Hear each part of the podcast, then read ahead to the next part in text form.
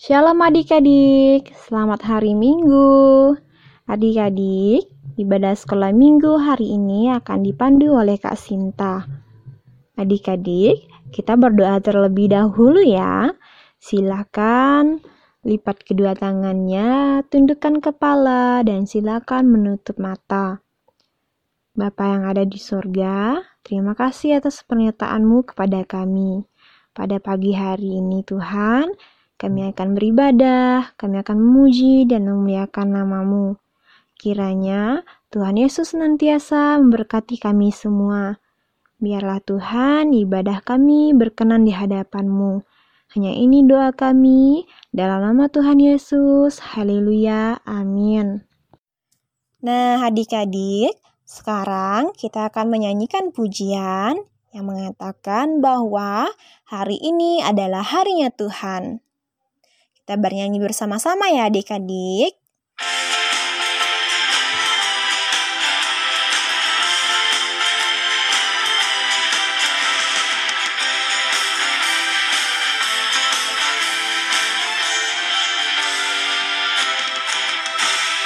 Hari ini, hari ini harinya Tuhan, harinya Tuhan. Mari kita Mari kita bersukaria, bersukaria. Hari ini harinya Tuhan. Mari kita bersukaria. Hari ini, hari ini harinya Tuhan. Hari ini, hari ini harinya Tuhan, harinya Tuhan. Mari kita, mari kita bersukaria, bersukaria. Hari ini harinya Tuhan. Mari kita bersukaria. Hari ini, hari ini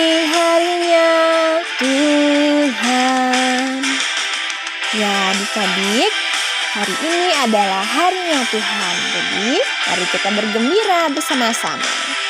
Hari ini, hari ini harinya Tuhan, harinya Tuhan. Mari kita, mari kita bersukaria, bersukaria. Hari ini harinya Tuhan. Mari kita bersukaria. Hari ini, hari ini harinya Tuhan. Hari ini harinya Tuhan. Mari kita bersukaria. Hari ini, hari ini harinya Tuhan. Teman-teman, mari kita mengucapkan doa Bapa kami. Bapa kami yang ada di sorga, dikuduskanlah namamu, datanglah kerajaanmu, jadilah kehendakmu di bumi seperti di sorga. Berikanlah kami pada hari ini makanan kami yang secukupnya, dan ampunilah kami akan kesalahan kami, seperti kami juga mengampuni orang yang bersalah kepada kami.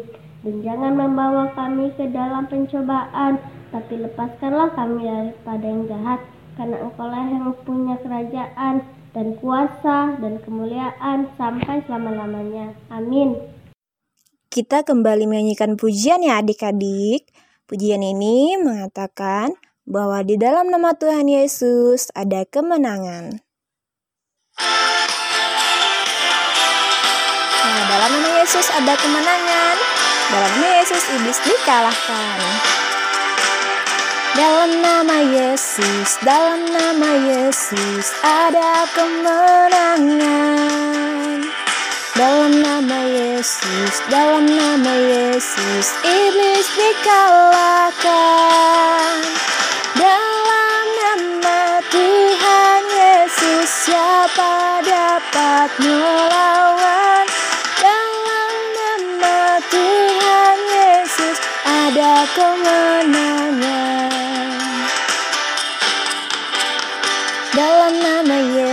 Yesus, dalam nama Yesus ada kemenangan. Dalam nama Yesus, dalam nama Yesus, iblis dikalahkan. Dalam nama Tuhan Yesus, siapa dapat melawan? Dalam nama Tuhan Yesus, ada kemenangan. Adik-adik, di dalam Yesus ada kemenangan.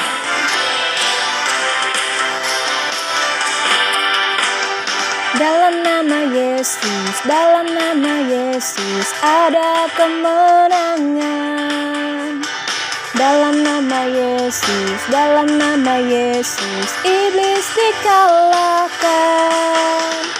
Dalam nama Tuhan Yesus siapa dapat melawan?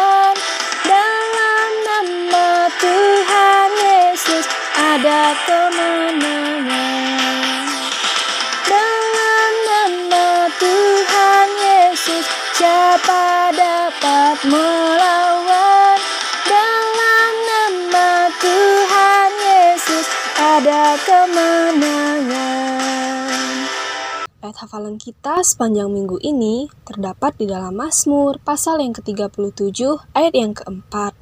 Dan bergembiralah karena Tuhan, maka ia akan memberikan kepadamu apa yang diinginkan hatimu. Sekali lagi, Mazmur pasal yang ke-37 ayat yang keempat. Dan bergembiralah karena Tuhan, maka ia akan memberikan kepadamu apa yang diinginkan hatimu. Adik-adik, sebelum mendengarkan kebenaran firman Tuhan, kita akan bernyanyi terlebih dahulu ya. Kita akan menyanyikan satu pujian yang mengatakan bahwa ada satu sobatku yang setia.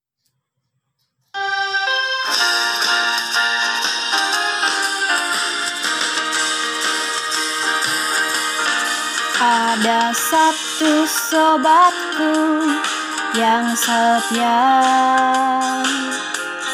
Tak pernah dia tinggalkan diriku. Di waktu aku susah Waktu ku sendirian. Dia selalu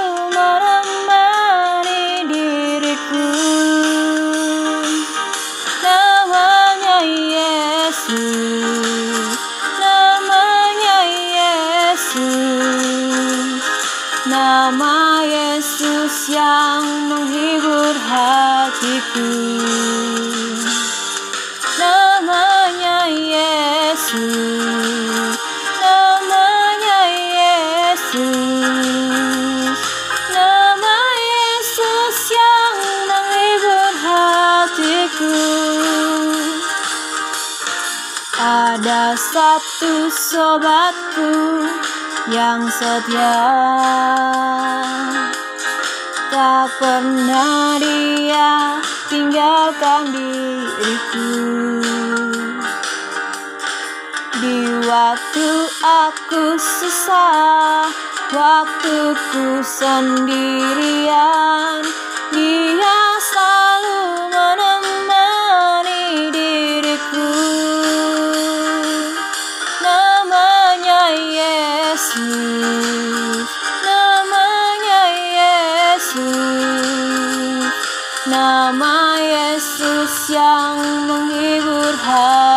hatiku Namanya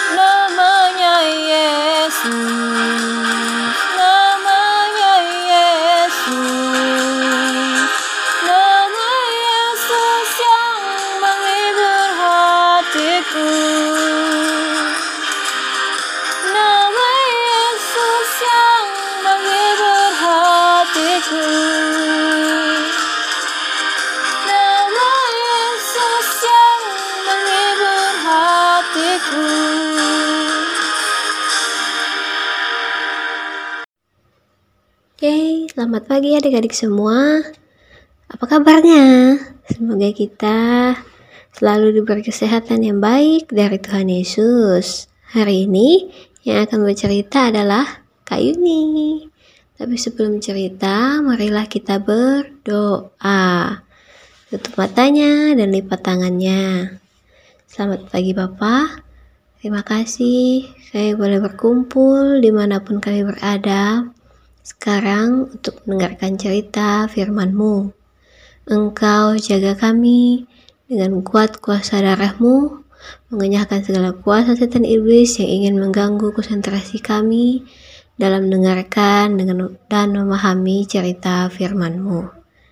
Biarlah di dalam nama Tuhan Yesus, kuasamu sajalah yang berkuasa, memberi perlindungan, dalam nama Tuhan Yesus, haleluya, amin.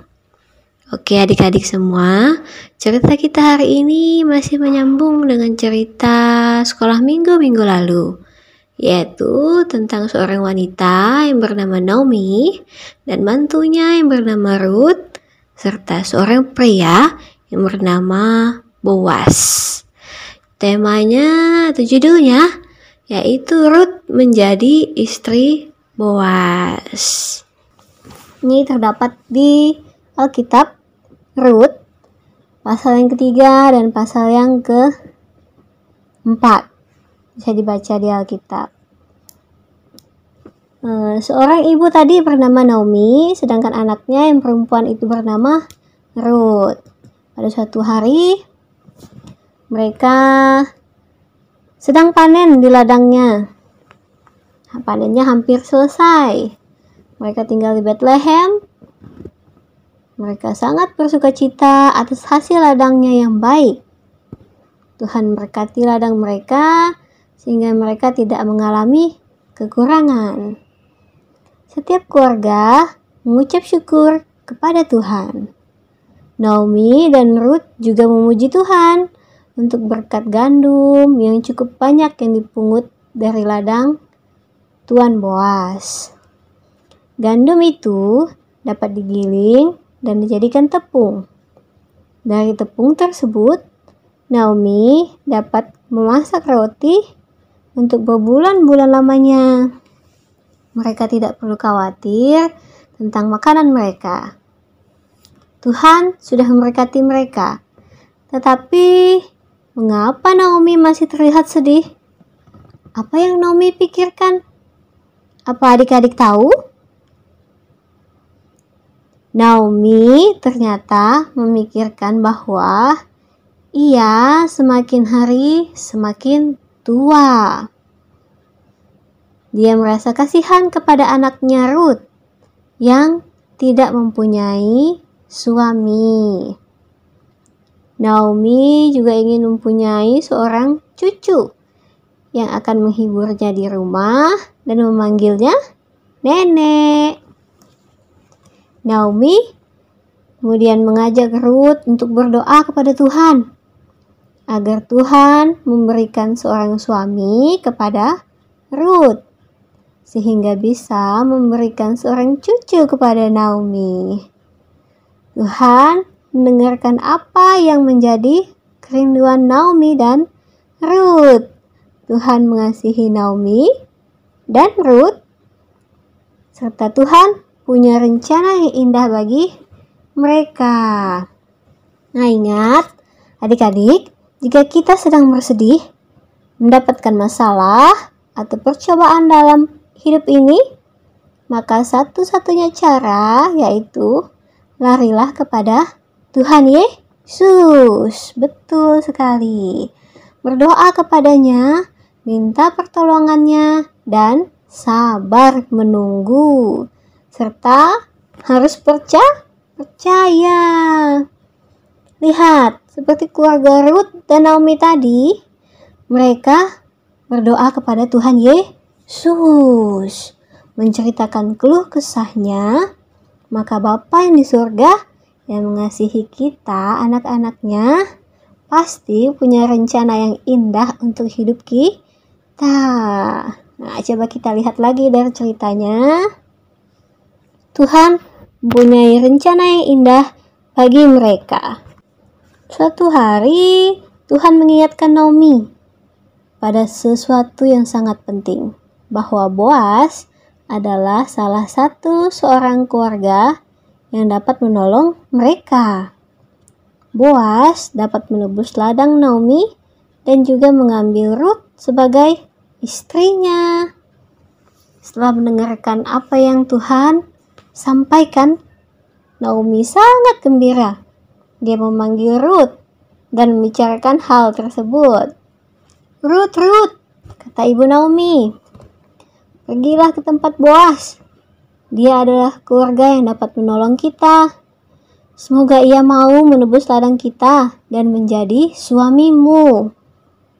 Ruth taat kepada Naomi. Ia mandi dan berpakaian yang rapi, lalu pergi ke tempat Boas.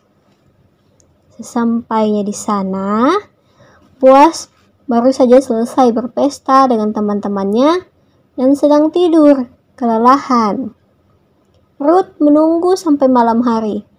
Ketika Boas bangun dari tidurnya, ia terkejut melihat Ruth.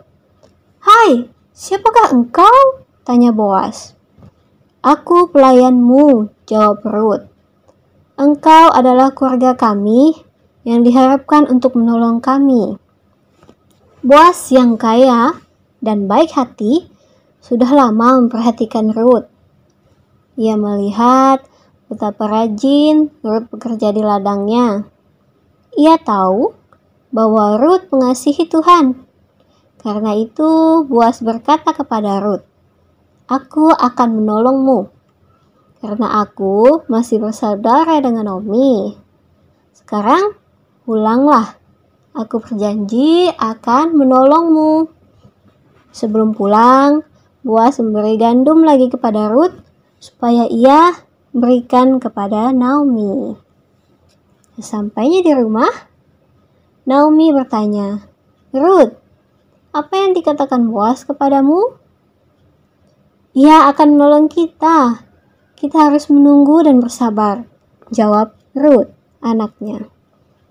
Ia juga mengirim gandum ini untukmu. Puji Tuhan, seru Naomi. Mereka bersyukur pada Tuhan yang sudah menggerakkan hati Boas untuk menolong mereka. Kemudian, keesokan harinya, Boas pergi ke tempat pertemuan di pintu gerbang. Setelah ia duduk di sana, lewatlah seorang laki-laki yaitu keluarga terdekat, Elimelek. Boas mengundang dia, Saudaraku, marilah duduk di sini. Kita akan berunding mengenai tanah kepunyaan Elimelek, keluarga kita, yang mau dijual oleh Ibu Naomi. Kita berdualah yang berhak atas tanah itu. Kau yang pertama, kemudian baru saya. Ya, saya akan membelinya, kata orang itu. Lalu Boas berkata lagi, Baiklah, kalau begitu, kau juga harus menikahi Ruth. Bagaimana mungkin? Saya tak mau menikah dengan Ruth, jawab orang itu. Saya akan melepaskan hak saya kepadamu, Boas. Ia melepaskan kasutnya dan memberikannya kepada Boas. Ini yang artinya ia menyerahkan haknya sepenuhnya kepada Boas. Kalau begitu, saya akan membeli tanah dan menikahi Ruth, kata Boas dengan senang hati dengan kesaksian ya dengan disaksikan oleh para tua-tua di kota Boas membeli tanah Elimelek dan juga sekaligus bertanggung jawab terhadap kehidupan Ruth. Dan pada akhirnya akhir akhir musim panen ada pesta yang sangat meriah di kota Bethlehem yaitu Boas menikah dengan Ruth. Semua orang Bethlehem senang dengan Boas dan Ruth. Mereka ramai-ramai mengucapkan selamat berbahagia. Kiranya Allah memberkatimu dan memberimu banyak anak. Tuhan sungguh memberkati Boas dan Ruth. Satu tahun kemudian, mereka mendapat anak laki-laki yang mungil dan lucu. Mereka sangat bahagia. Naomi juga sangat bersyukur kepada Tuhan. Tetangga-tetangga juga datang untuk melihat cucu Naomi. Mereka ikut bersuka cita dan berkata, Syukur kepada Tuhan yang memberi anak itu kepadamu. Anak itu akan menjadi penghibur dan penol dari penolongmu karena dia sudah menjadi dan kau sudah tua dengan rambut putih. Naomi tersenyum, lalu tetangga-tetangga berkata lagi, namanya akan disebut Obed. Kemudian Naomi memangku Obed kecil dan merawatnya. Ia merawat Obed sampai ia besar, kelak ia akan menjadi kakek dari Raja Daud, raja yang termasyur yang pernah memerintah Israel. Betapa bahagianya keluarga kecil ini di Bethlehem, yaitu Naomi, Ruth, Boaz, dan si Obed kecil. Nah, adik-adik, dari cerita tadi, selain kita harus datang kepada Tuhan, meminta pertolongannya, apa yang harus kita lakukan? Ayo. Yap, yang harus kita lakukan adalah bersyukur kepada Tuhan Yesus atas pertolongannya. Harus berterima kasih kepada Tuhan yang mengasihi kita. Nah, adik-adik, jangan lupa bersyukur atas apa yang Tuhan berikan kepada kita semua selama ini. Ucapan syukur itu banyak caranya.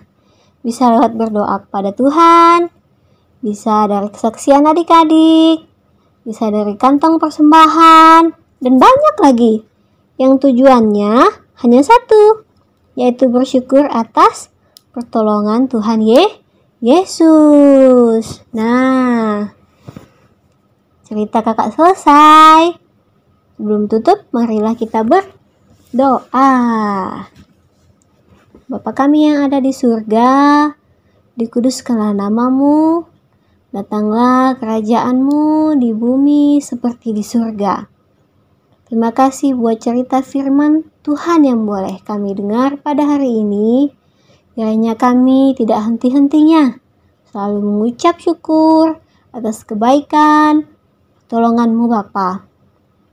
Kami juga tidak lupa selalu mencari Engkau jikalau kami sedang susah maupun sedang senang. Engkau berkati keluarga kami, orang tua kami, guru-guru kami, kakak-kakak sekolah minggu kami, setiap hari. Kiranya kuasamu hadir dan menjaga kami selama sepekan ke depan. Terima kasih Tuhan Yesus. Kami serahkan doa ini hanya di dalam nama Tuhan Yesus Kristus. Amin. Oke adik-adik, setelah ini kita akan mendengarkan kesaksian dari adik kita Angka.